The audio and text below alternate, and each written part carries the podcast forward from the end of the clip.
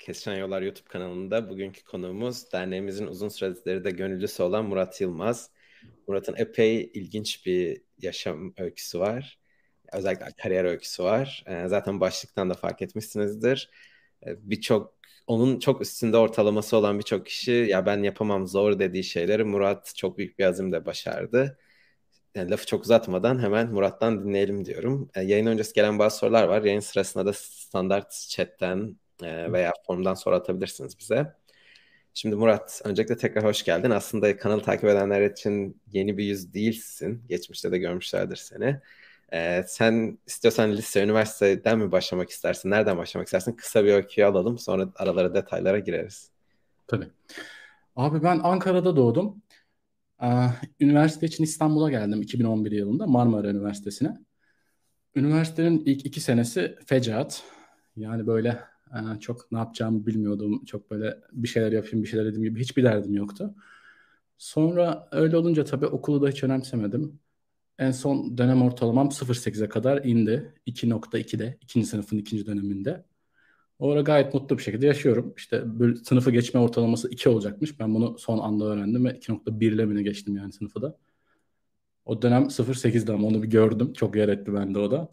Sonra üniversite devam etti. Üniversite 3'te ilk defa hani şey olmuştu. O yazın bir work and travel'a gitmiştim. İlk defa Amerika'yı görünce biraz kafamda şey olmuştu. Hani ben ileride buraya geleyim demiştim. Ondan sonra ilk defa kendime amaç koymaya başladım. İşte düşündüm mezun olacağım. En azından az bir şey ortalama olsa da hani insanlara biraz gösterebilsem. Sonra herkes şey dedi hani 3 olursa en azından gösterebilecek bir ortalaman olur dediler. Ben de 3'e çekmek için bir hesap yaptım. Tabii 2, 2, 2'den 3'e çekmek de çok zor 3. sınıfta. Ama benim ilk ciddi çalışmam üniversite 3'te başladı. Baya böyle herkesin 5-6 ders oluyordu. Benim 8-9 derslerim oluyordu dönemde. Böyle kütüphanede yattığım çok olmuştur yani. Sonra biraz topladım. 3'te topladım. 4'te topladım. 3.07 ile mezun oldum. Ama üniversitenin ilk iki senesiyle son iki senesi çok bambaşkaydı yani. Neyse. Sonra üniversite bitti.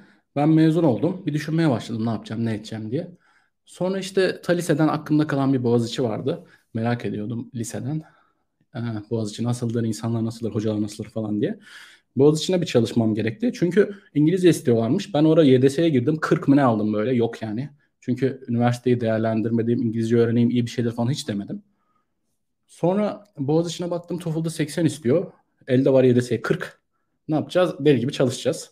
İşte bir 6 ay falan da TOEFL çalıştım abi. Böyle günde 10 saat falan çalışma. Çok çok yoğun zamanlardı. 6 ayın sonunda TOEFL verdim. 90 bilmem kaçtı işte.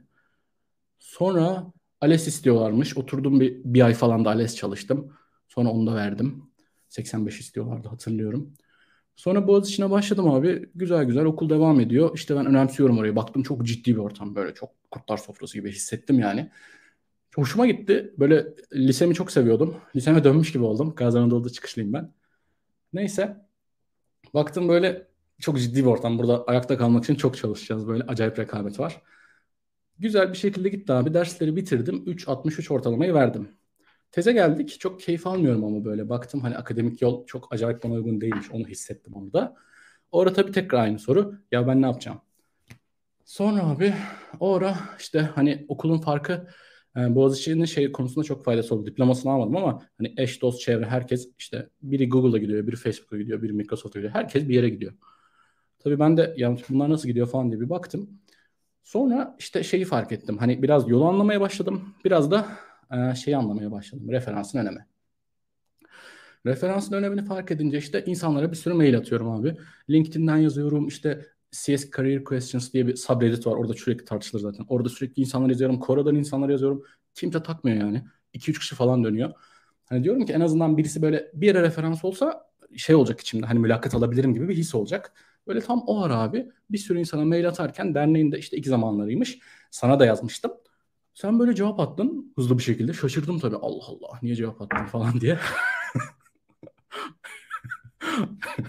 Sonra sen cevap yazınca abi baktım herhalde dalga geçmiyordur ciddidir dedim yani. Çünkü ben kaç kişiye ulaşmıştım kimse takmıyordu yani. Sen yazdıktan sonra e, sen de bir ilk hangout'umuz olmuştu. Bu arada çok detaylı giriyorum daha hızlandırayım mı? Yo bence güzel. Detaylar güzel. Çünkü şimdi birazdan söyleyeceklerini bir sürü kişiye söylerim ve onlar bir daha yazmıyorlar. tahmin ettiğim şey söyleyeceksen. Bu arada provasını yapmadık diğer arkadaşlara söyleyeyim ama tahmin ettiğim yere gidiyorsa hikaye. Neyse devam et bence. tamam. Sonra abi seninle ilk Hangouts görüşmemiz olmuştu işte. Yarım saatlik bir görüşme. Ben şaşırdım. Adam bana yarım saatini ayırıyor. Millet mailine bile bakmıyor. Bu niye bana yarım saatini ayırıyor diyor. Garip geldi bana açıkçası. Sonra seninle bir yarım saat görüştükten sonra abi baktım sen bana ilk görüşmemizde hani görüşmenin sonunda demiştin ki tamam ben sana Google, Facebook, Palantir diye böyle 5-6 tane benim kafamda böyle harika yerler saymıştı yani. İşte buralara ben sana yardımcı olurum, referans olurum demiştin. Ben de çok şaşırmıştım yani. Çünkü ben bir tane referans bulsam yeter bana diye düşünüyordum. Sen bana bir anda her şeyi verdiğin gibi oldu. Çok şaşırdım. Sonra ilk böyle hakkında sen orada yer etmiştin zaten. Dedim hani bu adam bana yardım edecek. Sonrası da çok ciddi bir mülakat hazırlığı. Sonra şeyi araştırmaya başladım. İşte nasıl olacak, nasıl hazırlanacağım mülakatlara falan diye araştırmaya başladım. Sonra bir gördüm ki çok ciddi bir veri yapıları ve algoritma bilmek gerekiyormuş. Tabii bende de üniversitenin iki, iki senesinde alınan dersler bunlar. Ortalama fecaat. Yok mu hiçbir şey? Ne yapacağım? İşte araştırıyorum, araştırıyorum. En son nasıl çalışacağımı kafamda çizdim böyle. Ama şey çok kafama taktı. Yani şimdi ben mesela belki çok kötü bir yazılımcıyım ama ben lead code'dan bir sürü soru çözünce iyi mi olacak? Yani ben şimdi en iyi yerlere gelebileceğim mi diye çok kafamı taktı yani bu. Sonra işte orada sana yine yazdım. Hani benim böyle dönüm noktalarımda hep vardın sen. İşte yazdım sana abi dedim hani e, işte benim şunlar şunlar kafama takıyor. Sen bana cevap yazıyorsun. Ben sana cevap yazıyorum. Sonra sen beni ilk şeye çağırmıştın. E, Sabancı'da işte bu görüşme vardı. Hatta sırf Sabancı'nın içine yapılan bir program vardı. O program için e, Pathways to, Pathways to Silicon Valley'di galiba. İşte oraya çağırmıştın dışarıdan olarak beni. Oradayken sana ilk şeyi sormuştum. Yine dönüm noktalarından biri oldu bana. Dedim ki sana abi dedim hani ben belki çok dandik bir yazılımcıyım. Yani oturup 500 lead code çözersem bir yere gireceğim.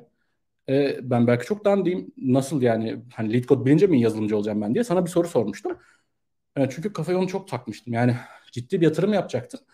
Ciddi yatırımın sonucunda da şirket olmazsa değilsin istiyordum.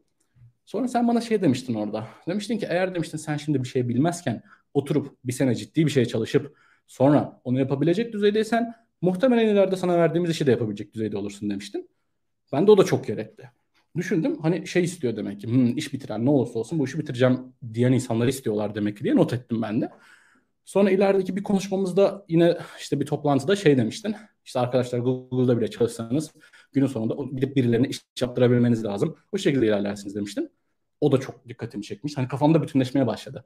Hani böyle evet iyi bir algoritma veri yapısı altyapısı devamında da işte iş bitiricilik. Zaten bu iş bitiriciliği işte ortak bir dil nasıl ölçecekler? Hmm, bu bu şekilde ölçecekler diye anlamlı gelmeye başladı bana.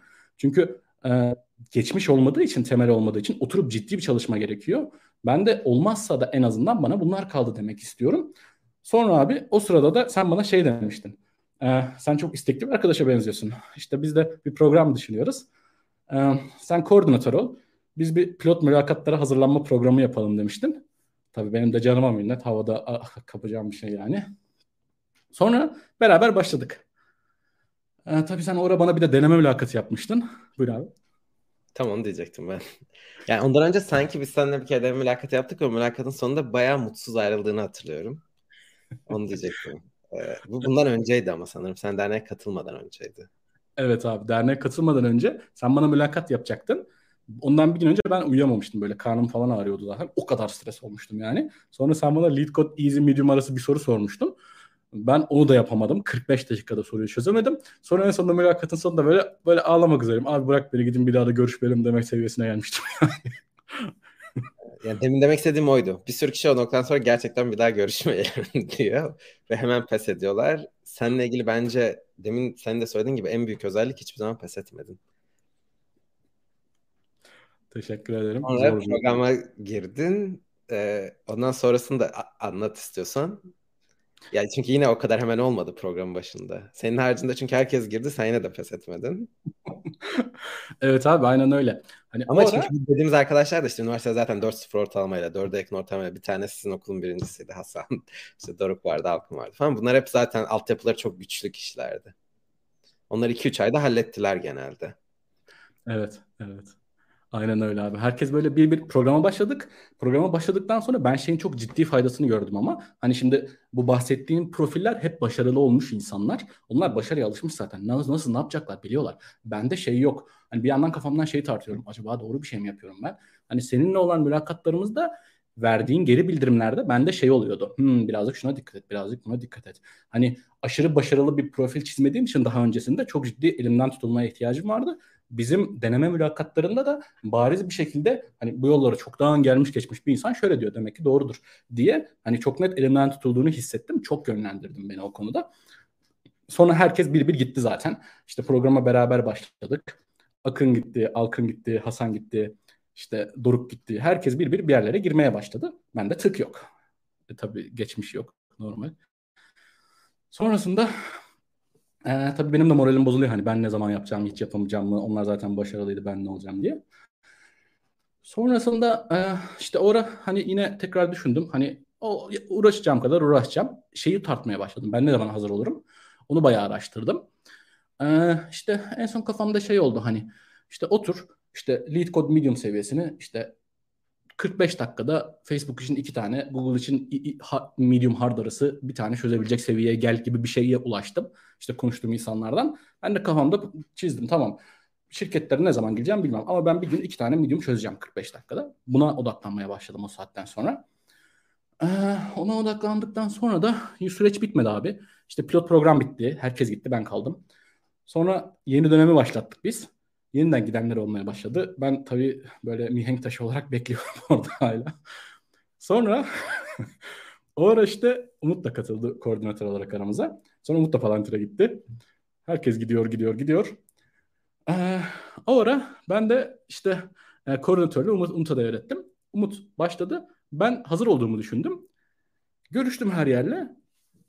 Yani bu bir sene sürdü bu arada. Benim çok ciddi bir bir sene hazırlanma sürecim var. Böyle günde 10 saatler falan böyle. Başım ağrımadığı sürece çalışıyordum. O kadar ciddi çalışıyordum. Sonra e, her yer denedim abi. İşte Amazon'dur, Facebook'tur hepsini bir tek Google mülakat vermemişti. Sinir olmuştum. Ama çok güzel bir şekilde hepsinden de kaldım. İşte birinde son aşamada kaldım. Hatta üçünde falan son aşamada kaldım. Ee, çok moral bozucuydu. Başvuracağım bir yer kalmamıştı en son. Ama ona rağmen e, hani hep şey diyordum kendime. Hmm, bir sene önce bunlardan haberim bile yoktu benim. Bir sene son aşama. Hmm, son aşama çok az kaldı, çok az kaldı. Hep böyle kendime şey diyorum. Bir gün olacak. Bir gün olacak dedikten sonra ve ilk mülakatlarımda acayip gergindim ben yani. Böyle önceki gün uyuyamazdım, karnım ağrırdı falan. Artık sonlara doğru alıştığımı fark etmeye başladım. Ve sen bana böyle 4-5 kere belki mülakat yapmıştın. Senin mülakatlarında şeyi öğrenmiştim. Şunlar gelecek demiştim ve mülakatlarda sürprizle karşılaşmadım ben. Ama mülakat tecrübem yani böyle o ortamlar ne bileyim beklemediğim şeyler yani hani bizzat onu tecrübe etmediğim için şey de olmadı bende. Hani o kadar ciddi hiçbir şeye girmemişim hayatımda. Yine de rahat olamıyordum. Bir tecrübe etmem gerekiyordu. O da mülakatların sonlarına doğru geldi. Her yerden kaldıktan sonra son aşama böyle bir dakika falan kaldı bitireceğim. E, baktım hiçbir yere giremiyorum abi. Türkiye'de bir yerlere başvurmaya başladım. Bir sene Türkiye'de çalıştım. Trendyol'da çalıştım. Çok da güzel bir tecrübe oldu. Çok şey kattı bana. Bir senenin sonunda ne oldu? Ee, tekrardan hani bu cool off periyodu var ya işte bir senenin sonunda tekrar gel bir şeyin değiştiğini göster. İşte ben de bir sene sonra tekrar her yere başvurdum. Bu sefer abi Amazon'dan kabul aldım. Amazon Lüksemburg'dan. Bu Amazon Lüksemburg'dan kabulümde ama mülakatlara gerçekten çok rahat girmiştim. Hissettim yani. Hani artık kendime şey demiştim. Olmayacak zaten. Olursa da sürpriz olur. Zaten olmayacak. Git işte tecrübe olsun bak bir sürü başarılı insan. Vakit geçir. İşte sonra Akın mesela bana şey demişti orada çok o da aklımda kaldı. Demişti ki abi bak mülakatlara git o insanla bir gün çalışıyormuş gibi düşün kendini. Şey düşünme işte mülakata giriyorum çok ciddi bir şey diye düşünme. Bir gün ben bu insanla iş yapıyorum. Bir gün soru çözüyorum ben bu insanla gibi düşün demişti. O da çok kafamda kaldı. Ben de artık Amazon'un mülakatını son, en son giderken öyle diyorum. Bir gün beraber iş yapacağız. İşte en sonunda ne olacak? Her zamanki gibi hayır olur. Evet olsa da sürpriz. Neyse abi Amazon'un mülakatında bu rahatlıkla girdim. Mülakat garip bir şekilde iyi bitti böyle. Sonunda böyle süre arttı, muhabbetler etmeye başladık, sorudan saptık falan. Bayağı iyi geçti yani. Mülakat bitti. Ben diyorum ki Allah Allah bunun da olması lazım ama neyse bu da olmaz artık.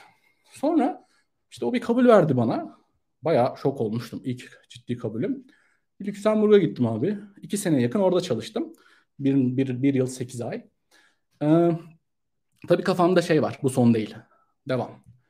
Ee, bir Google'a girmek istiyordum ta o zamandan beri. En baştan beri daha doğrusu. Ee, o yüzden hani şeyi fark ettim. Benim bu bir sene mülakatlar hazırlanma süreci çok bayıcı olmuştu yani. Ciddi yorulmuştum en sonunda zihin olarak. Dedim ki ya böyle sıkışmayayım. Ben böyle günde bir tane soru çözersem, üç günde bir soru çözersem hazırlanmış olurum.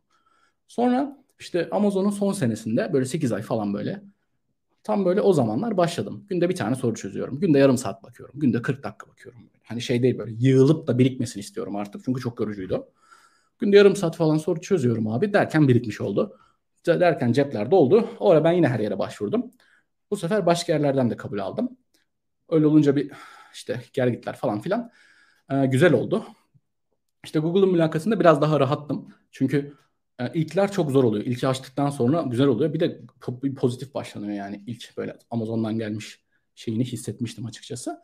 7 ay önce de abi Mart'ta Münih'e, Google Münih'te işe başladım. Yani Google Chrome Sync'teyim şu anda. 7 aydır da Münih'teyim. Bayağı detaylı anlattım. Şimdi sen ne sorarsan onu konuşalım. E, peki değdi mi bu kadar emek vermene? Ee, çok güzel değdi abi. çok güzel bir şey bunu demek. Ee, arkadaşlardan bir tanesi mülakatların atmosferi nasıl oluyor biraz bahsedebilir mi demiş Emre Gemici. Tabii. Ee, şimdi bence e, mesela bana bakan yönüyle e, mesela ilk mülakatlarımı anlatayım. Benim ilk mülakatım neydi? E, 2018 ilk kaldığım zamanlar. Yok 2019 falan.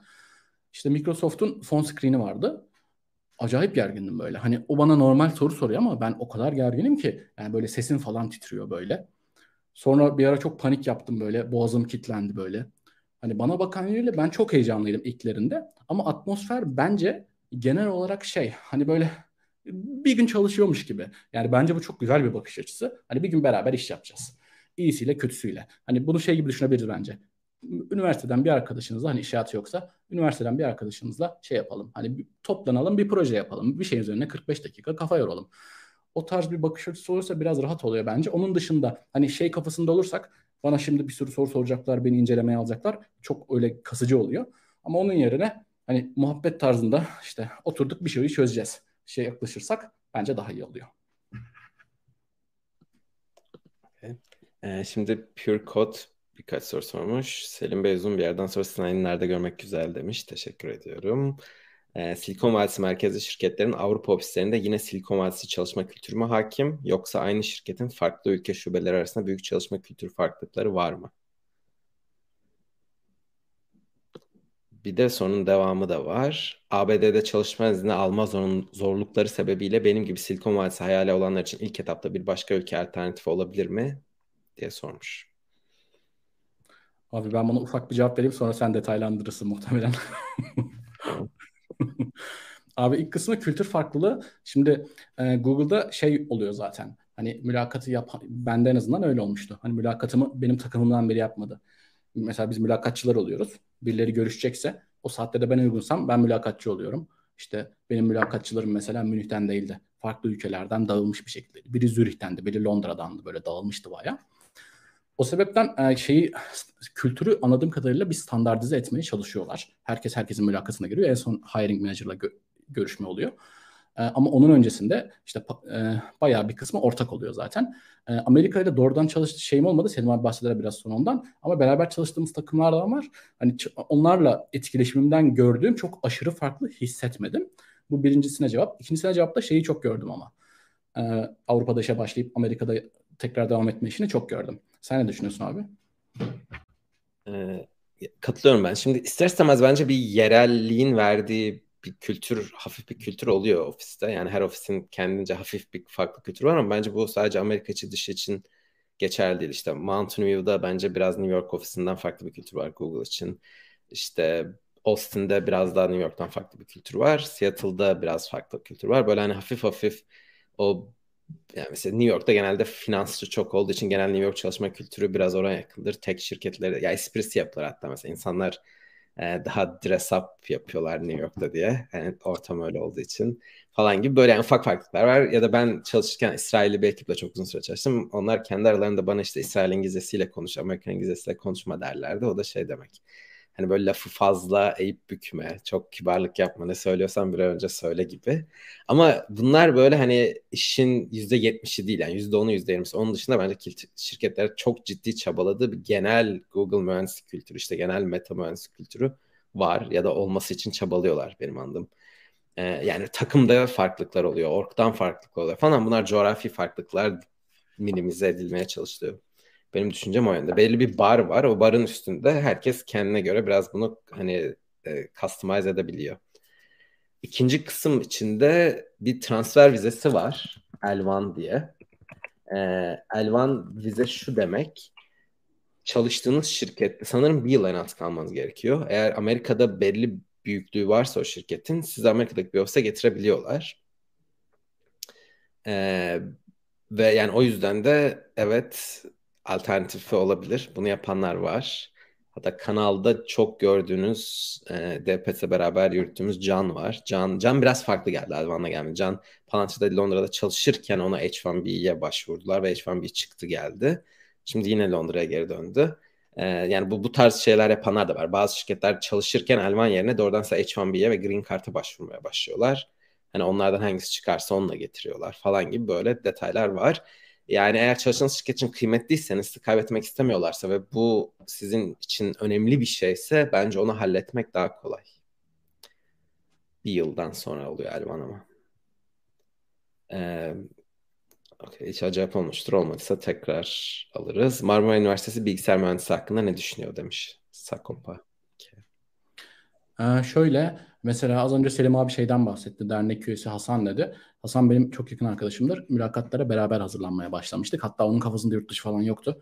Ben biraz konuştum konuştum. Kafasına yattı. Sonra mülakatlara hazırlanmaya karar verdi. 3 ayda falan da bitirdi. Hasan bizim bölüm birincimizdi.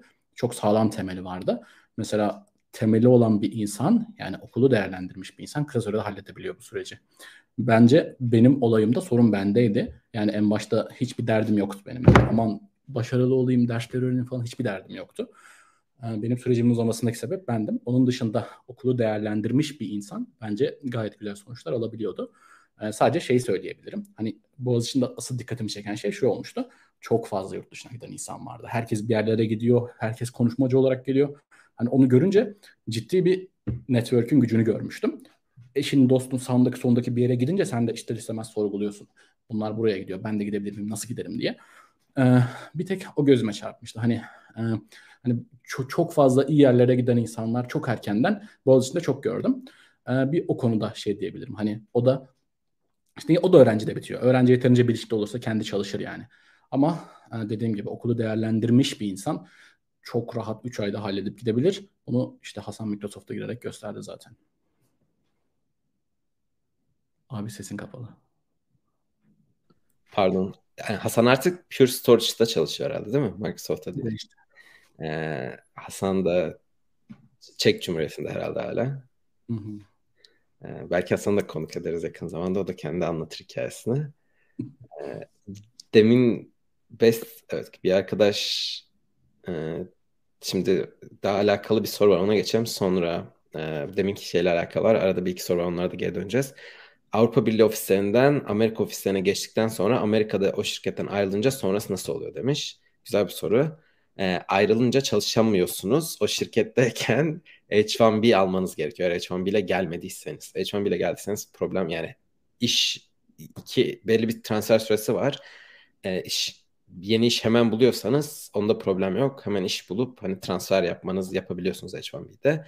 Ama Elvan'da sanırım belli bir kotası var onun her şirket için. Ondan şirketler o kotaya da kalmayın diye size zaten H1B'ye başvurmak istiyor.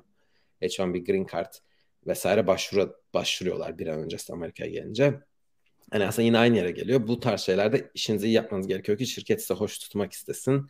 Bir an önce bu süreçleri hızlandırsın. Google'da falan bunlar çok standart zaten. Bir, birini ikna etmenize falan bile gerekiyor. İlk gün gidip başvuru süreci başlatabiliyorsunuz.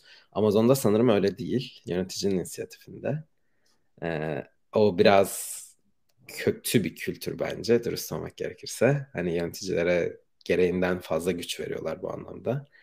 Ee, yani Google'da işte Meta'da bildiğim kadarıyla benim daha önce çalıştığım Quip'te bunlar çok standartize. Hatta bizim şu an çok küçük bir startup olmamıza rağmen bizde bile standartize. Yani hani sen iyi performa gösteriyorsun yapalım yapmayalım mı onu birbirinden ayırıyoruz. Yani immigration kısımları size ne gerekiyorsa yapılıyor. Okey şimdi geri dönersek önceki sorulara. Mülakata hazır olduğunun nasıl anladın. Aslında buna birazcık cevap ver, bir ölçü vermiş oldun. Yani çünkü hassa, neyse. lead code, lead code medium hard'ı kolay çözdüğünde çözdüğünde mi? Sorular için naive optim, naive'den optimized çözümlere geçerek mi demiş. Bunu ben de çok sormuştum. Ne zaman hazır olacağım, ne zaman başvuracağım diye çok sordum. Çünkü şey de okudum mesela. Bir grup insan da diyor ki hiçbir zaman kendini hazır hissetmeyeceksin. Bir grup insan da bunu diyor mesela. O yüzden hemen başvur diyor. Benim kafamda da hep şey vardı. Hemen başvurunca red deyince on site'dan böyle direkten döndüysek 6 ay sonra tekrar gel başvur görüşelim diyorlar. Ama direkten dönmediysek bu sefer bir yıl sonra gel tekrar gel görüşelim diyorlar. O yüzden yani o süreyi de düşmek istemiyordum. Ben de çok sordum bu soruyu. Bir sürü insana sorduktan sonra en son benim kafamda şöyle bir cevap olmuştu. Yani Facebook'un klasik iki sorusu, Meta'nın klasik iki soru sorarlar onlar. Genelde medium olur. Hani istisnası tabii çıkar bunun. Birisi hard sorar, birisi easy sorar da. Genelde iki medium soruyorlar. İşte o da e, 45 dakika. Hani 5 dakika tanışma, 5 dakikada sonda olsa 35 dakika civarında iki medium soruyu çözebiliyorsanız umut var demektir. Başvurma zamanı gelmiş demektir. Google için iki standart soru şeyi yok ama benim mülakatlarımda bazen easy sorup hard follow-up'a gitti. Bazen direkt medium hard arası gitti. Direkt medium çok çıkmadı. Ama Google için de şey yani tahminen o zamanki bilgim bu şu an yeni değil. Ben daha mülakatlara çok girmedim burada. Ee, yani genel olarak şey diyebilirim ya. Medium hard arası soruyu çözebiliyorsanız 35 dakikada falan diyebilirim. Ama hani bu şey demek değil asla hiçbir hard soru çözülmeyecek ya da asla easy çıkmayacak değil. Her zaman istisnalar oluyor. Ama o yüzden bence e, lead code'da oturup böyle e, top top interview questions vardı mesela. Onu bitirdikten sonra Blind 75 vardı. O çok güzeldi. Hani bu ikisini bitirdikten sonra Facebook hazırlanıyorsanız premium alıp top Facebook 100 onları çözebilirsiniz. Google için de top Google 100'ü çözebilirsiniz. Bunlar bittiğinde muhtemelen hazır olacaksınız gibi hissediyorum. Sen ne düşünüyorsun abi? Genel olarak katılıyorum. Soru çözme kısmında özellikle giriş pozisyonlarında evet senin için belki bir dahaki işinde eğer Google'dan ayrılırsan öyle olmayabilir. Çünkü yani o zaman daha system design, behavioral sorular gitgide önem kazanıyor. Ama kodlama kısmına katılıyorum. Ee, yani kodlama demin dediğin gibi ben hani 12 yıldır bu sektörde çalışıyorum. Daha Mayıs'ta iş değiştirdim. Hala bazen hani denk gelemeyebiliyorsunuz. O gün hani o gün gününüz olmuyor. Ne bileyim hani o soruyu bir, bir şekilde size şey yapmıyor ama dediğim gibi kendiniz hazırsanız %90-95'ini belki 98'ini 99'unu kodlama hallediyorsunuz. O hani çok daha standart ama kariyerinde büyüdükçe hani diğer mülakat tarzları biraz daha e, altyapınız da çok alakalı. Yani mesela sistem dizaynda o yani çalışmanın da bence faydası var. Yine orada da önemli ama kodlama gibi değil. Yani istediğiniz kadar çalışın. Atıyorum senin Google'da edindiğin bazı tecrübeleri içselleştirdiğin bazı şey ya da içselleştireceğin bazı şeyleri önümüzdeki bir iki yılda yani çalışarak elde etmek çok zor. Hani onları ölçen bir sistem dizayn mülakatında mesela şansı ne yazık ki daha az oluyor arkadaşlar. Ya da daha level düşürerek gidiyorlar. Aynı şekilde davranışsal şeylerde de o geçerli. Yani davranışsal şeylere de bence hazırlık önemli. Dernekteki derslerde de onlara çok önem veriyoruz. Ve genelde yani birçok kişi buradan baştan gidiyor. Ama orada da yani bir yere kadar hazırlanabiliyorsunuz. Eğer o altyapınız yoksa, o tecrübeniz yoksa işte belli projelerde e, o sordukları sorularla alakalı tecrübe edinmediyseniz çok zor.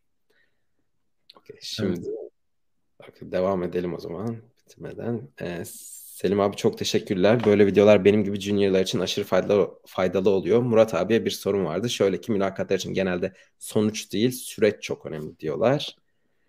Yani sonucunuz doğru olmasa bile sizin aklınızdan geçenleri karşıya aktardığınız ve bu sürecin olumlu geçmesi mülakat yapan kişide de gününde olursa güzel geçer diyorlar. Murat abinin yorumu nedir? Evet çok güzel çok güzel. Sonuç değil süreç. Evet bence çok güzel bir nokta çünkü sonuca odaklanırsak zaten şey oluyor. Ben illa şuraya gireceğim deyince bu sefer o olmuyor. Acayip bir hayal kırıklığı oluyor ki olmayabilir de yani.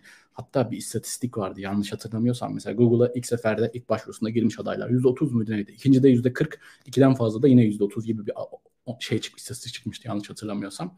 O yüzden bence hani sonuçta şuraya buraya gireceğim değil hele şirket özelliğinde hani bir yeri istemek olabilir ama illa buraya gireceğim demek bence çok iyi olmuyor. Çünkü bu sefer orası olmazsa dünyanın sonu gibi hissediyoruz ve orayla görüşürken bile acayip stres oluyoruz. Onun yerine ben hep kendime şey diyordum. İşte dünyanın en büyük firmaları diyor ki veri yapıları ve algoritmayı bileceksin. Tamam ben bunları bileceğim. Hani bu adamlar bir şey biliyordur dedim. Arkasını da araştırdım. Niye bu kadar bunu istiyorları da araştırdım.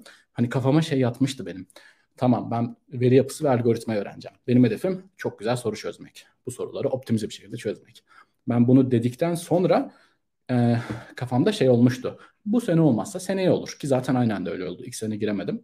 Seneye olmadı mı bir daha deneriz bir şey olmaz. Hani her sene tekrar deneriz. Hani hayatımızın bir köşesinde dursun o. Ben sağlam bir temele sahip olayım her yere girerim zaten. Bir zaman ne zaman olur bilmiyorum gibi bir yaklaşımım vardı benim. Bunu öneriyorum da evet. Ee, Çağrı bir soru sormuş. Çağrı Yılmaz. Hukuk, hukuk okuyorum. İngilizcem var. İnternet aracılığıyla yazılım öğrenebilir miyim? Sizce Udemy, Coursera gibi siteler yeterli midir? Diploma olmadan bu işi yapmak ne kadar zor? Evet, çok güzel bir soru. Bence şimdi giriş iki aşama. Bir mülakat almak kısmı, bir de mülakatı geçmek kısmı.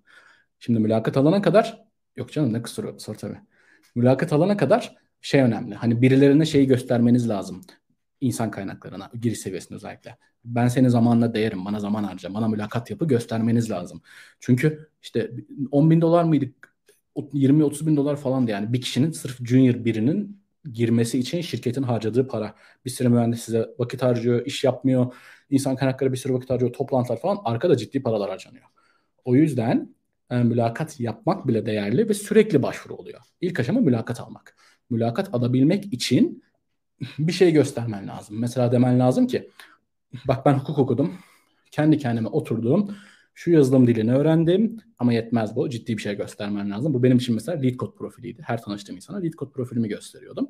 Bak diyordum bir sene boyunca şu kadar şu kadar her gün soru çözmüşüm diye gösteriyordum. Hani senin de elinde referans bulabilmen için bak yazılım alanında hiçbir şey bilmezken oturdum ben şunları yaptım. Bunun sonucunda şunu yapabildiğimi gösterdim.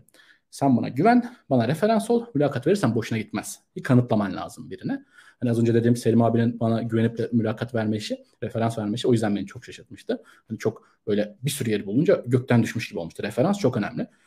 Ee, referans olduğunu varsayıyorum. Mülakat aldığını varsayıyorum. Mülakat aldıktan sonraki kısımda hani bir iki tane şeyi sorarlar. Ee, hani bazı yerler projeni de soruyor. Ne tarz projeler yaptın bir göster falan da diyebiliyorlar. Ama benim gördüğüm e, hani bizim şirketlerde genelde standartize veri yapıları, algoritmalar. Çok iyi bir şekilde veri yapıları, çok iyi bir şekilde algoritmalar biliyorsan tahmin ediyorum onu da geçebilirsin. Yani belki insanların kafasında ilk kendini anlattığında geçmişinde yazılım yok olur mu? Bence ondan ziyade şey olur işte benim geçmişim gibi olursun muhtemelen. Hiç alakası yokmuş oturup neler öğrenmiş olursun. Güzel bir etki olur bence. O sebepten ikinci kısım yani mülakatları geçmek için de çok ciddi bir veri yapıları ve algoritma hazırlığı yaparsan bence evet. Ee, aslında benzer bir soru gelmiş. Bununla beraber belki biraz DevPest'te nasıl yapıyoruz? Hala hatırlıyorsan ondan bahsedebiliriz. Ali demiş ki Ali Üçer, daha önce tecrübesi olmayan bir bilgisayar mühendisi iyi bir data structure bilgisiyle mülakatlara çağrılır mı? Mülakatlara çağrılabilmek için dikkat etmemiz gereken püf noktalar var mı? Referansı olmayan biri nasıl referans elde edebilir? Tabii. Şimdi bence bu mülakatlara hazırlık sürecinde şey çok kritik. Senin soruna başlamadan daha genel bir yerden alacağım. Sonra senin sorularına geleceğim. Ee, bence şey çok kritik. Böyle topluluk şeklinde hazırlanmak ve bu yoldan daha önce geçmiş insanların peşinden gitmek, onlardan söz dinlemek bence çok kritik. Çünkü benim açımdan hani yalnızken bir gün mesela bir, bir arkadaşım geliyordu diyordu ki ben Facebook'la görüşüyorum. Bir, bir, bana motivasyon kaynağı oluyordu. Bir gün birisi diyordu ki ben Google'a girdim. Bana motivasyon kaynağı oluyordu. Bir gün mesela Selim abi bir mülakatını anlatıyordu. O da motivasyon kaynağı oluyordu. Hani bir gün ben bir soruya çok zorlanıyordum. Dün ya dün Facebook'a girmiş birisi de zamanında demişti ki bu soru çok zor. Hani bunları görmek, beraber hareket etmek bence çok çok çok faydalı. O yüzden işte hani DPET'ten biraz bahsedeyim. Ee, e, şöyle yapıyorduk. Her hafta bizim ödevlerimiz olurdu. Ödevlerde e, katılı katılan arkadaşlara ödevleri yollardık. Bu standart rutin ama ciddi bir hazırlık şey istiyorduk. Yani ilk başta alırken şey demiyorduk böyle hepiniz gelin yapmıyorduk. Bir HackerRank sınavı yollamıştık. HackerRank sınavından belirli bir şeyi geçenler bizimle programa başlamıştı. Başladıktan sonra da her hafta şey istiyorduk hani bir 10 saat ayırın en az. 10 saat ayırmazsanız ne kadar da beraber olsak işe yaramaz diyorduk. O sebepten ödevlerini yapmalarını istiyorduk. Katılmalarını bekliyorduk. Çok ciddi bir şey olmazsa yani sınavım var deyip ödev yapmaları istemiyorduk. İşte sınavım var deyip şeye katılmamak kesişiyorsa belki toplantıya. Her hafta rutin toplantımız olurdu. Rutin toplantıda Selim abi bize hep mülakatlar yapardı. Deneme mülakatları. E, herkese feedback veriyordu. Bu inanılmaz değerli bir şey. Yani Selim abinin çok tokatladığı olmuştur beni. Şu yanlış bu yanlış deyip böyle çok böyle hatta bir iki böyle rezil ettiği böyle hatta belki şey hatırlarsın abi Facebook istiyorum demiştin hatırlıyor musun? ee, yani hatırlıyorum. Bu davranışsal mülakat tamam. Değil mi? yani standart bu arada. Sırf Murat özel değil onu belirtelim de bayağı bir insan e, çok dönem dönem çok üzülüyor mülakatlarda ama biraz yani şunu araya girerek söyleyeyim. Şimdi ben eğitimde genel olarak aslında stresin çok e, artı bir etkisi, artı faydası olduğunu düşünenlerden değilim. E, ama bence mülakat eğitimi bambaşka bir şey. Yani mülakatın işin doğasında zaten çok stres var. O yüzden biz deneme mülakatlarında da olabildiğince En azından ben kişisel olarak stresin dozunu arttırıyorum. Normal mülakatlarda yaptığımdan çok daha sert ve hani böyle kaşık çatlı kaşık e, çatık kaşlı bir şekilde e, yani geri bildirim ver, veriyoruz. Çünkü hani o stresi orada pratik ederlerse gerçek mülakatlarda daha başarılı oluyorlar. Bunu bayağı bir gördük. Birkaç kişi de dedi hani birkaç kişi değil bir yani çok fazla kişi söyledi. Hani öyle bir hazırlanmışız ki artık e, mülakatta o kadar stres olmadım. DevPats'teki mülakatlar daha stresliydi diye. Bu biraz bilinçli. İkinci kısmı da şu bence ee, yani benim oradaki yani şey lafı vardır hani Türkiye'de aptal soru yoktur işte herkes sorusunu sorsun. Benim mesela bu konudaki düşüncem bence aptal soru da vardır. Ama bazen o aptal soruyu sormak da uygun. Yani hani bazı ortamlarda e, sorunuz aptalca da olabilir. Bunun bir sakıncası yok. Ama yani bu sorunuzun aptalca olduğu gerçeğini değiştirmiyor bence. Biraz mülakat da ben de öyle bakıyorum. Yani hani mülakatlarda bazen çok kötü performans gösterdiğiniz gerçeğini değiştirmiyor çok. Hani onu orada illa hani eğip bükmenin aslında o kadar kötü değil demek bence karşındakine de saygısızlık olarak geliyor. Yani do- doğru şey değil. Ama herkesin dönem dönem çok kötü performans gösterme hakkı var.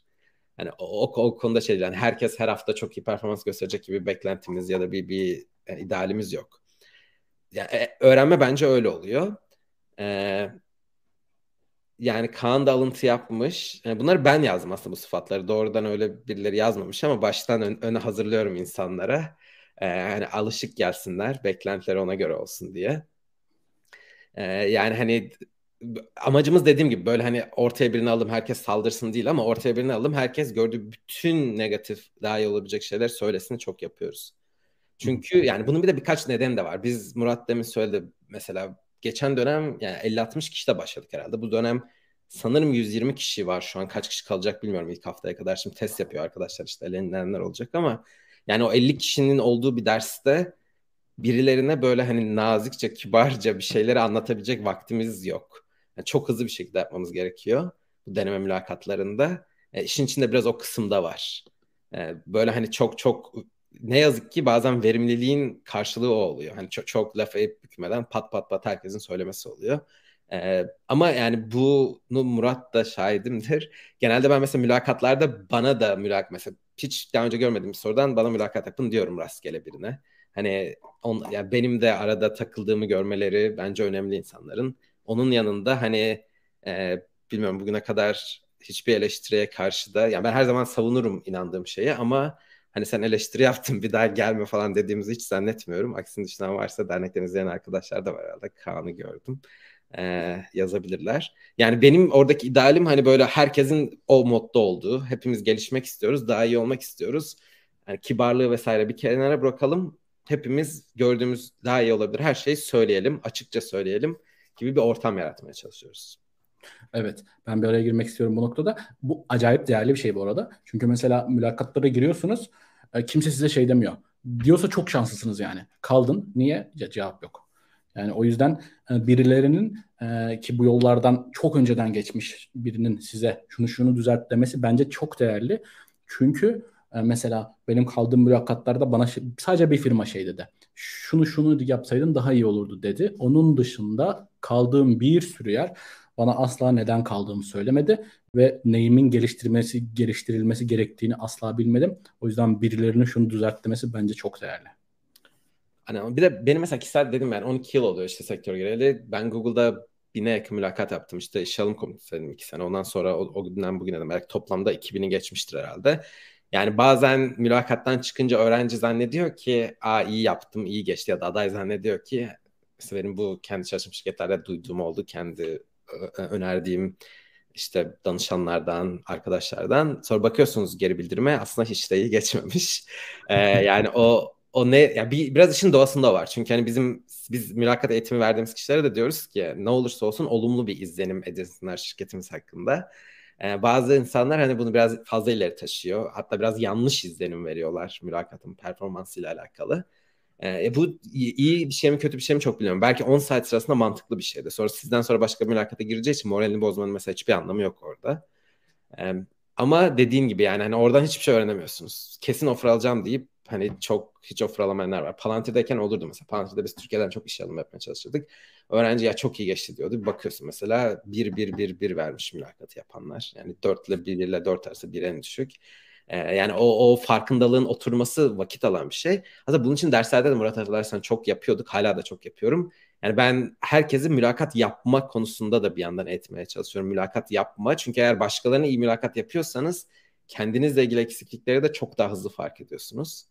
Yani daha masanın öteki tarafına oturduğunuz anda kendinizle ilgili farkındalığınız da çok hızlı bir şekilde ilerliyor, gelişiyor. Ee, neyse şimdi sorular birikti biraz. Vaktimiz de azaldı. Hızlı devam edelim. Sen ekleyeceğin bir şey yoksa. Abi ufacık bir de referans ekleyeyim. Referans sürecini anlatmadık evet, çünkü. Tamam diyecektim buna cevap vermen diye. Aha. E, referans sürecimizde bizim DevPS'te şöyle oluyordu. E, eğer Selim abi inanırsa o kişinin başarılı olacağını, bu inanması nasıl oluyor? E, şey yapıyordu, aktif gruba geçme mülakatı oluyor yapıyordu. Aktif gruba geçme mülakatında gerçek mülakat gibi. Hiç araya girme yok. En sonunda feedback'ini veriyor. Diyor ki şundan geçtin, şundan kaldın. Geçtin derse eğer aktif gruba geçmiş oluyor. Aktif gruba geçen arkadaşlar da artık derneğin şey yani böyle derneğin elinde diyebilirim. Ne demek bu?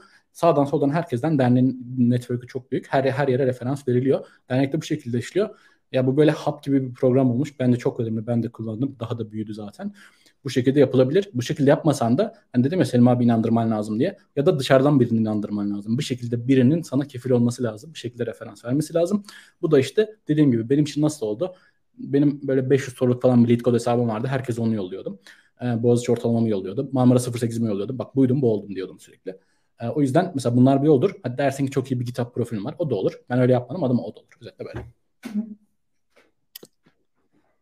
Teşekkür ediyoruz Murat cevabın için. Emre yazmış 29 yaşındayım. Bilgisayar mühendisi olacak birisi olarak altyapım olmasına rağmen mülakat alma konusunda yaş kriterinden dolayı olumsuz etkilenir miyim? Bu konuda yaş önemli bir kriter oluyor mu demiş. Evet çok hızlı cevap verelim. Yok zaten yurt dışı firmalarında e, şey yani böyle bir sayfalık şeye bakabilirsin. Gail Lockman McDowell'ın şeyi var. Bu Cracking Coding Interview'ın yazarının bir sayfalık CV template'i var. Ona bir bakarsan Onda yani zaten şey yoktur. Hani fotoğraf yoktur, doğum bilgisi yoktur, cinsiyet yoktur. Bunu CV'ne eklemen bile yasak. O yüzden çok rahat olabilirsin. Evet. Bu mesela zorlandığımız bir şey. Öğrencileri ikna edemiyoruz fotoğrafların olmaması gerektiği konusunda. Çünkü sanırım Avrupa Birliği'nin bir işte şey Erasmus'un bir sitesi var. Orada resimli bir örnek falan var. Yani herkes yok böyle diyor. Diyorum sen bilirsin. yani yani şey diyorlar genelde mesela atıyorum resimden dolayı mı elenecek? Eleneceğim ama hani hala resmin koymaması gerektiğini farkında olmayan birinin zaten bir sürü başka falsaları da vardır. Anta yani orada hani kimse senin resmini koydun diye elemiyor ama zaten bu işin ne olduğunu bilen hiç kimse resim koymuyor. E, çünkü demin dediğin gibi yani yasal da değil bunlara göre işe alım kararı vermek. E, yaş konusunda da yani hiç ben bugüne kadar rastlamadım ama hani standart giriş düzeyinden başlarsın. Ve hani sen senden iki seviye yukarıda olanlar senden 10 yaş küçük olabilir. E, bazı insanlar bundan rahatsız oluyor. Ama yani şirketlerde öyle öyle bir kültür yok. Yani hani öyle sen yaşlısın, gençsin ne bileyim hani benden iki. Yani Google'da mesela standart söylenen bir şeydir. Ee, ya da mesela Meta'da daha da ciddiler bu konuda. Level'lar gizli. Yani onun bir amacı var. Olabildiğince gizli tutmaya çalışıyorlar. Google sanırım yani içeriden paylaş yani daha daha yolları vardı benim dönemde en azından insanların level'ını check etmenin.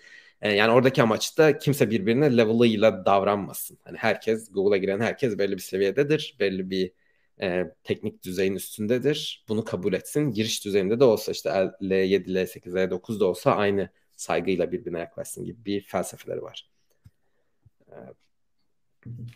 Şimdi e, bir soruda deneme hesabı sormuş. Abi Doğu'da bilgisayar mühendisliği mi iyi olur yoksa Yıldız Teknik? Yani Doğu Anadolu'da herhangi bir üniversite mi demek istiyor burada bilmiyorum. Yoksa Yıldız Teknik ve Hacettepe Matematik mi? Google, Amazon gibi yerlerde çalışabilmek için. Abi tahmin ediyorum bu şeye binaen sorulmuş. Şu an Türkiye'de bilgisayar mühendisliği puanları çok yükseldi. Hani bilinmeyen bir yerde bilgisayar mühendisliği mi, bilinen bir yerde başka bölüm okumak mı? Ki matematik nispeten yakın bize. Hmm, değişik bir soru bu. Ee, yani bunda yüzde yüz emin cevap vermeyeceğim. Ama içgüdüsel olarak şey diyebilirim. Ee, şimdi hani mesela bir yerde okudun, ortalama yaptın. İşte bilgisayar mühendisliği adını hiç bilmiyorsun. İşte üç buçuk ortalama yaptın. Bence nerede okursan oku. Ki zaten bizim üniversiteleri ne kadar biliyorlar o da bir meçhul. O yüzden herhangi bir yerde üç buçuğa sahip olursan bence bu şey için güzel bir göstergedir. Üniversiteye değerlendirdim ben için güzel bir Atatürk Üniversitesi Karabük gibi evet. Hani üniversiteye değerlendirdiğini gösterirsen bence mülakat alabilme kısmına geçmiş olabilirsin referansla beraber. İkinci kısımda nereden mezun olursan ol o algoritmaya geçeceksin yani şey yok. Nereden mezunsun kısmı mülakata kadar. Mülakattan sonra algoritmaya geçeceksin. O yüzden ben buna bilgisayar mühendisi derim. Ee, peki demin dediğinde biraz çalışıyor mu o? Çünkü demin şey dedim Boğaziçi'ne girdiğimde ortamda bir sürü kişiyle hani o, o ortam beni motive etmişti. Ee, yani atıyorum Boğaziçi'nde matematik okuyacaksa Atatürk Üniversitesi'nde bilgisayar mühendisliği okuyacaksa mesela ne dersin? Evet çok güzel bir nokta. Abi şimdi şöyle açıkçası derneği tanımasaydım hani böyle yalnız böyle asla hiçbir yere erişemeseydim e, biraz daha şeye yatkın olurdum ben. Şimdi Boğaziçi çok uç bir örnek. Oradaki herkes her yere gidiyor. Çok böyle iyi bir yer bence. Hani bence hani Boğaziçi matematik zaten Atatürk bilgisayardan çok çok çok çok daha yüksektir. Bundaki mesela Yıldız'ın bilgis matematiğinin karşılığı belki Karabük bilgisayara karşılık geliyordur. Ama e, bence bu burada şey kullanılabilir. Hani okul çevresi çok önemli ama yani bizim program bence insanlar için bir nimet yani ona bir şekilde katılıp oradaki herkes zaten görebilirler. O bir etki. Evet. Sence? Yani soruyu soran arkadaş da sormuş bana. Benim düşüncem bir, yani şey dediğine katılıyorum. Ee, ya bizim dernek kurarken ki esas amacımız buydu aslında. Bütün programlarımızdaki programlarımızdaki esas amacımız bu. Derneğin ismi de buradan geliyor. Biraz bu yolları kesiştirmek. Hani sadece Boğaziçi'nde okuyanların, ben kendim Sabancı'da okudum, işte sen Marmara'da okudun. E, Koç'tan çok arkadaş vardı bizim dönem, bizim programda hep yani Koç, ODTÜ, Boğaziçi, Bilkent ve Sabancı'dan hep çok insan olur bizim programlarda. İşte Marmara Ütü bir sonraki tier'da gelir genelde. Ama neyse hani bu burada okuyup yine iyi kötü bir şekilde erişimi olanlardansa hani hiç bu şeylere erişimi olmayan e, öğrenciliği sırasında bunları hiç görmeyenlere o yolu açabilmekti. Şimdi o yüzden bence günümüzde aslında birazcık bu networking işi daha kolay. Bir, yani dernek olarak da buna çok çabalıyoruz ama e, senin gibi hani bıkmayan, yazan, eden bir sürü kişi var. Belki bizim dernekte yaptığımız bunları çok daha sistematik bir şekilde yapmaya çalışıyoruz. Hani diyoruz ki mülakatlara hazırlan. Eğer iyi olursan biz seni şu 3 şirketten, 5 şirketten işte insanlarla iletişime geçireceğiz. Mesela şimdi 2020 Aralık'ta Sabancı Üniversitesi'nde yine bir bilişim günleri yapacağız. 2019 vakitinde sen de vardın. Ee, sonra Covid'den dolayı iki yıl yapamadık. Mesela bir gün boyunca 20-30 hatta 40'a yakın konuşmacı vardı 2019'da. Hani birebir tanışma şansı, demin dediğin o networking'i yapma şansı yakalıyorlar. Bu tarz etkinlikleri yakal yakalamalarını ve ta olabildiğince takip etmelerini öneririm. Benim diyeceğim bir, bir ne okuduklarından bağımsız olarak. Yani ne okudukları bence duruma göre cevap verilecek bir şey. Ee, hani o böyle genel bir cevap vermeye kaçınırım ben ama hani hangi üniversitenin matematiği, hangi üniversitenin bilgisayarı onlara bakarım. Ama diyeceğim genel bir iki şey birincisi bence İngilizce öğrenmek çok önemli. Bir an önce İngilizce ana diliniz gibi olmasına gerek yok ama bu hani böyle turistlerle konuşur gibi konuşmanız anlamına da gelmiyor. Ee, hani bir mülakatta işte hiç e, hani rahatsız olmadan derdinizi anlatabilecek, anlayabilecek, hani bir bir bir e, sohbet edebileceği kendi düzeyde olmanız özellikle bilgisayar alanındaki terminolojiye %100 hakim olmanız vesaire gerekiyor. Yani bunu sağlayacak bir üniversiteye gitmenizi öneririm. Dili bir şekilde öğrenirim diyenler genelde bunu yapamıyorlar dürüst olmak gerekirse. Yani bilgisayar öğrenmekten daha zorlanıyorlar dili öğrenmekte. Bu bir benim gözlemim. İkincisi ee, ikinci söyleyeceğim şeyde yani Murat'ın dediği gibi yurt dışındaki üniversiteleri zaten yurt dışındaki kişiler özellikle Amerika'dakiler Türkiye'deki hiçbir üniversiteyi zaten bilmeyecekler. Buna Boğaziçi de dahil. Ee, ben yıllar önce ODTÜ'de böyle bir şey demiştim ve sonra geri bildirim formlarında buna çok alınan ODTÜ'ler olmuş. Aramızda izleyen ODTÜ'ler varsa onlar düşüncelerini yazabilirler ama işte biz ODTÜ'yüz biz nasıl bilmezler falan diye. Benim standart sorum buna karşılık şudur. Siz Yunanistan'da, Bulgaristan'da hatta Rusya'da ki e, işte ne bileyim Ermenistan, Gürcistan'daki kaç üniversiteyi biliyorsanız onlar da o kadar Türkiye'deki üniversiteyi biliyorlar. E, yani hani hatta onu bırakın Amsterdam, Hollanda'daki kaç üniversiteyi biliyorsunuz işte ne bileyim Belçika'daki kaç tane biliyorsunuz belki birer tane. İşte Almanya'da bir iki üniversite bilir herkes. İngiltere'de bir iki tane bilir. Genelde budur Avrupa'da bilinen üniversiteler. Yani kendi ülkesi dışındaki üniversiteleri işe alım sorumluları bir de yani işe alım sorumlusu bunlar. Bilgisayar mühendisi değiller. Hani öyle çok da kariyer bu hani 30 yıllık kariyeri olmuyor bu kişilerin. Hani bir şirkette recruiter olarak işe giriyorlar. Bir iki yıl onu yapıyorlar. Sonra başka yerlere geçiyorlar. Hani daha gerçekçi olmanız gerekiyor. Türkiye'deki üniversiteniz ne yazık ki doğu yani artı ve ne yazık ki yani öyle öyle çok da hani bilinen e, önünüzü açacak şey değil. Yani hani Boğaziçi'ne git, ömür boyu hayatın kurtulur kısmı doğru değil. Yani Boğaziçi'nden faydalanacaksanız, o network'ten elde edecekseniz, işte insanlarla tanışacaksanız evet. Ama yani Boğaziçi'nizin özgeçmişinizde olması bizim sektörde hiçbir faydası yani o hani mülakata aldığınız noktadan itibaren Murat dediği gibi bırakın Boğaziçi'ne Stanford'ın MIT'nin bile hiçbir faydası yok. Ee, yani ilk kapıları size kolay açıyor. Şöyle tabii ki çok büyük faydası var. Stanford mezunuysanız neredeyse dünyadaki her teknoloji şirketinden mülakat alabilirsiniz. Ama işe alım, işe girme konusunda yine iş sizde bitiyor. Bizim sektörün %95'i böyle bence. Belki daha da fazlası yani 95 az bile olabilir. Ee, yani bu Türkiye için de %100 geçerli. Tür- Türkiye'deki üniversite için de %100 geçerli. Türkiye içindeki işe alımlarda geçerli olmayabilir ama bilmiyorum cevap oldu mu? Ee, Ali demiş ki ben Boğaziçi'nde bilgisayar okuyorum. Siz tekrar dönerseniz 3. ve 4. sınıfı nasıl değerlendirdiniz? Ama Murat undergrad'ını Marmara'da yaptı. Yüksek lisansa Boğaziçi'ne. Ee, bilmiyorum ideal cevap vermek ister misin yoksa bilgin var mı undergrad'da? Abi müfredat aşırı bilmiyorum ama kafamda yurt dışı olsaydı çok kaba taslak şey diyebilirim. Ee, veri yapıları ve algoritmaları acayip kasardım yani. Muhtemelen çoktan almışındır ama hani şey bilincinde olup böyle hani iki aşama referans veri yapıları algoritmalar. Hani bu yol neyden geçiyorsa onu yapayım diye uğraşırdım muhtemelen.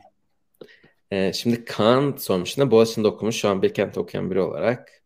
Şahsi fikrim Boğaziçi Matematik görece kötü. Topal bilgisayar mühendisi yani 6 tane okulun dışındaki bilgisayar mühendisliğinden yani görece olarak kötü mü yoksa Boğaziçi Matematik açısından büyüktür? Yani görece kötü bilgisayar mühendisliklerine göre Boğaziçi Matematik tercih ediyorum demek istemiş herhalde 6 tane okul dışı. Yani dedim kişisel şeyler bence bunlar. E, katılabilirim bir, yani bir sürü bir sürü okul için. Yani şimdi bence ama atıyorum mesela ben Kayseri Abdullah Üniversitesi'ne gitmiştik 2018 veya 19'da. Ben çok beğenmiştim eğitim sistemlerini.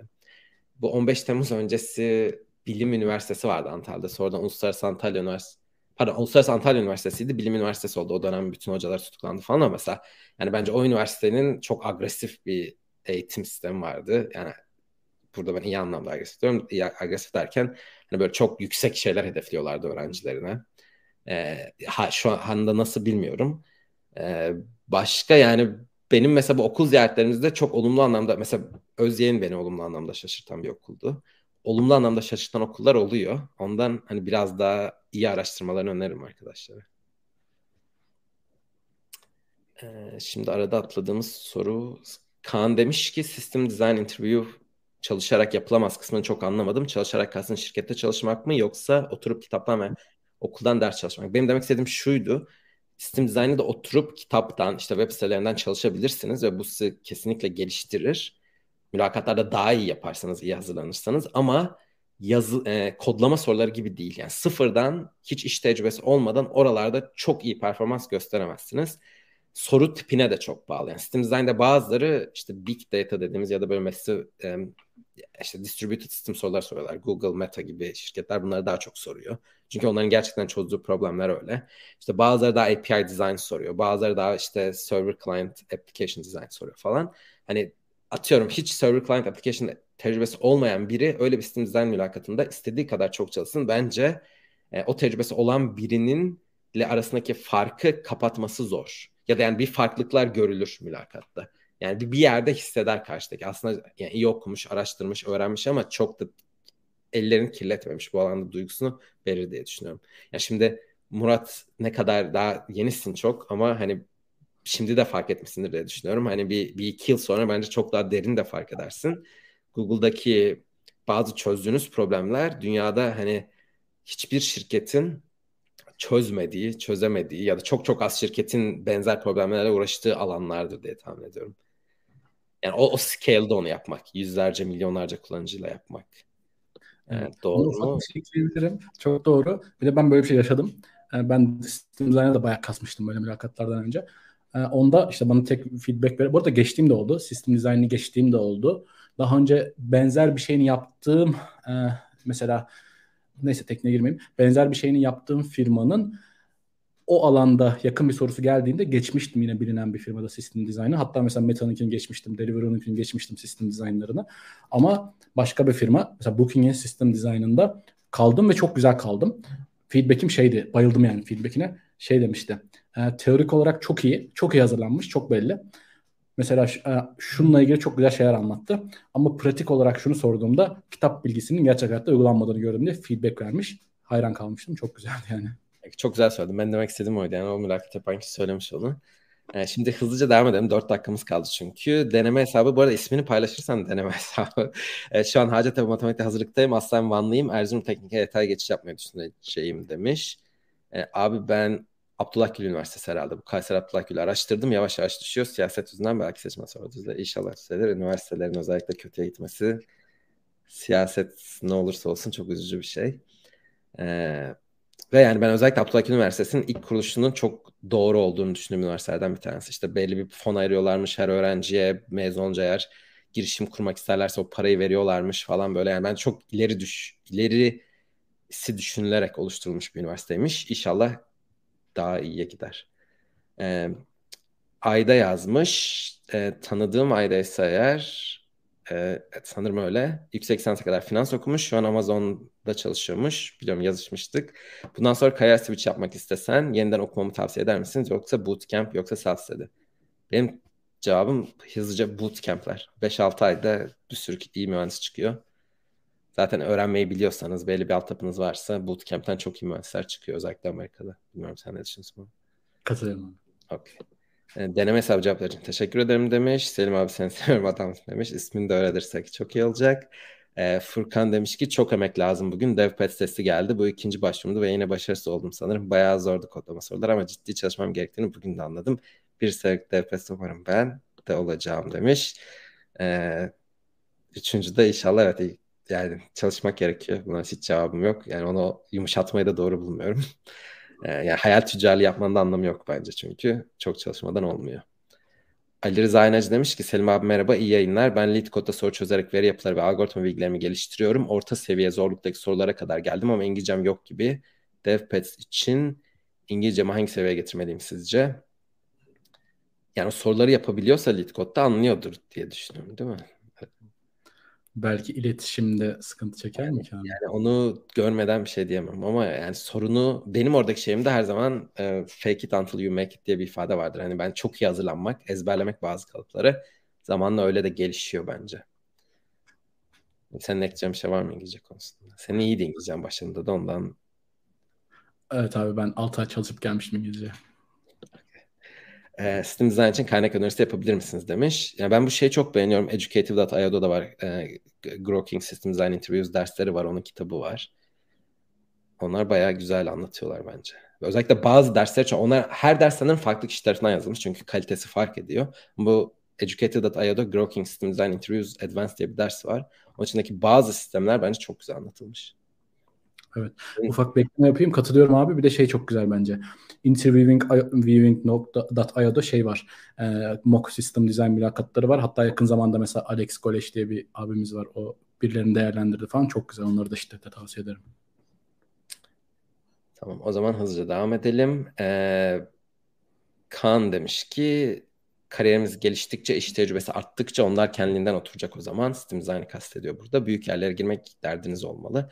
Yani bunu bu arada benim kişisel görüşüm kimseye büyük yerlere girin demiyorum ben ama bunu istiyorsanız kariyer planınız ya bence her bilgisayar mühendisi bir noktada Google'da, Facebook'ta, Amazon'da işte Microsoft'ta bunların birinde bence çalışmalı.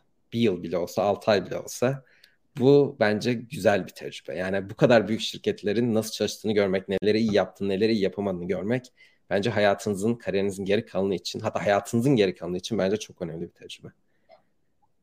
Ee, ekleyeceğim bir şey var mı Murat buna? Yok abi katılıyorum. Devam ediyorum ben o zaman. Ali demiş ki DP sitesinde 8 sorunun kaçını çözmem gerekiyor. Onu Zekeriya'ya sorabilirsiniz. Şu an izliyorsa cevap verir. Ee, ya da mail atabilirsiniz.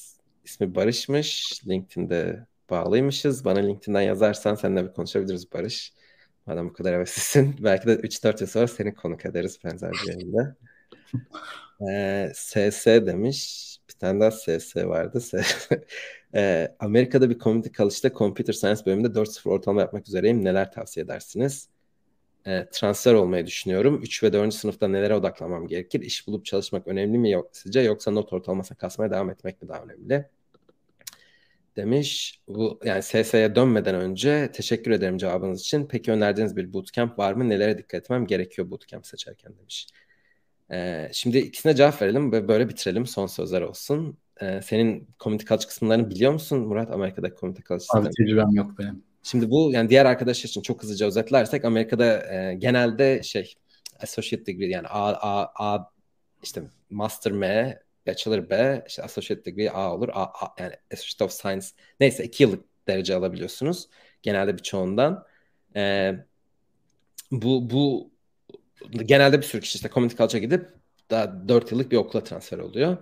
E, şimdi benim önerim arkadaşa orta hangi community college bilmiyorum ama yani iyi bir ortalaması var belli.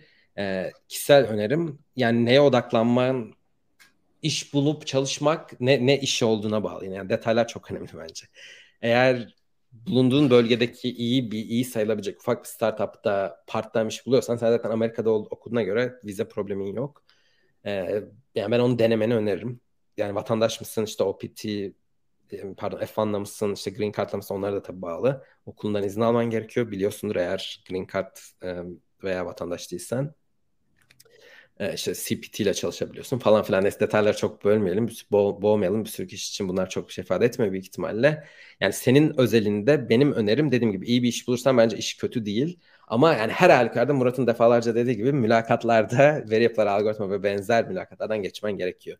Yani bu ortalama kasmayla kastın onlar da gayet iyi anlayıp atıyorum alacağın bir başka bir derste B ile geçmekse bence o o kadar önemli değil. Yani seni de engellemez.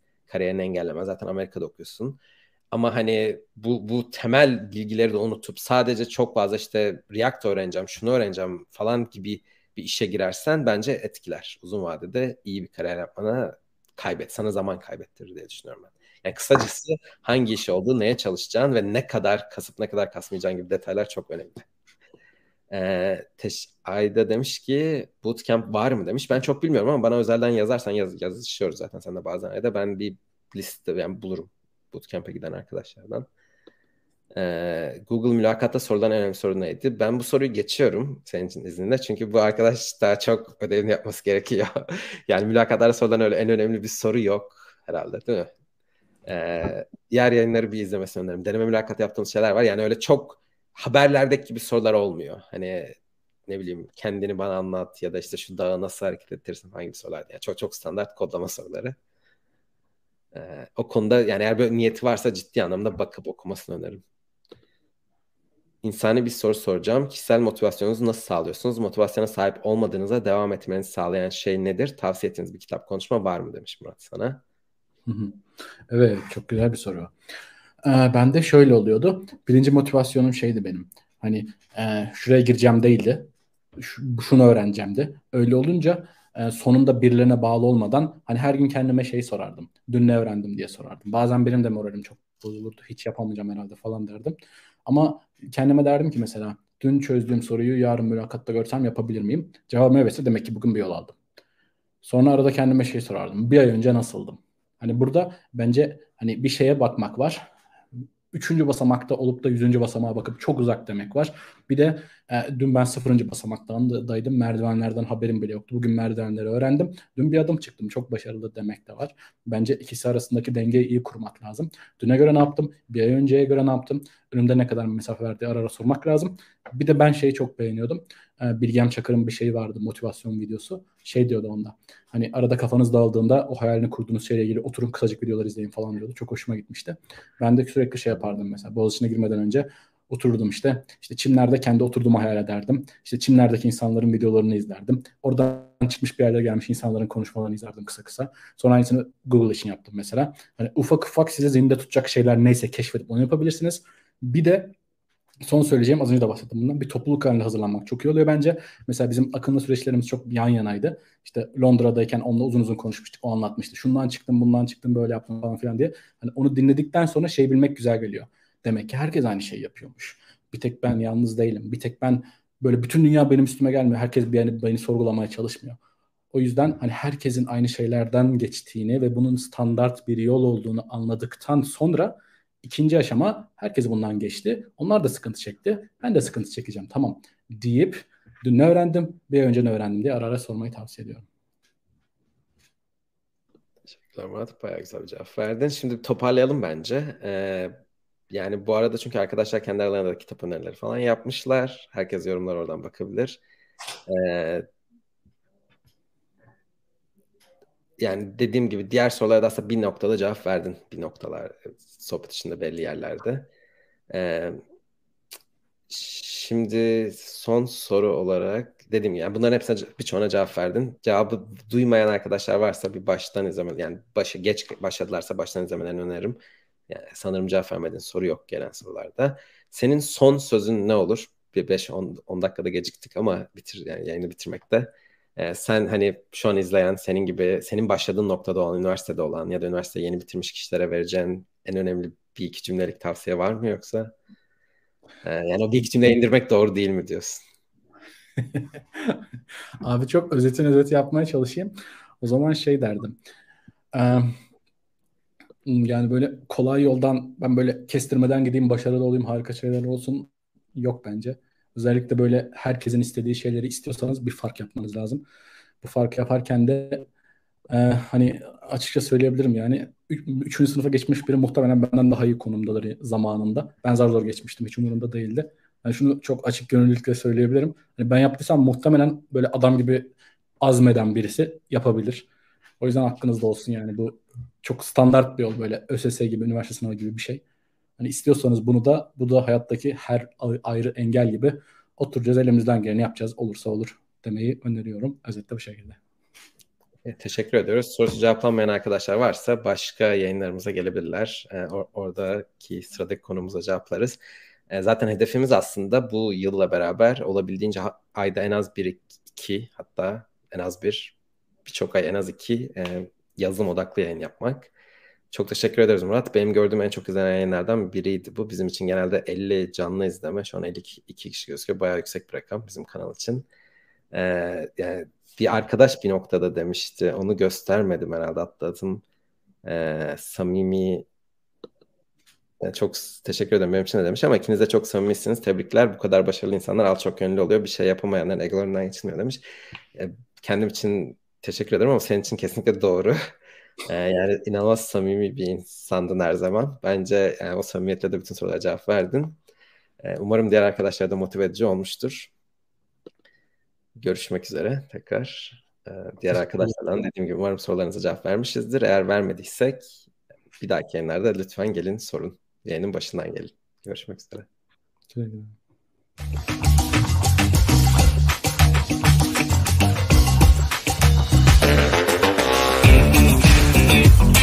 Whoa.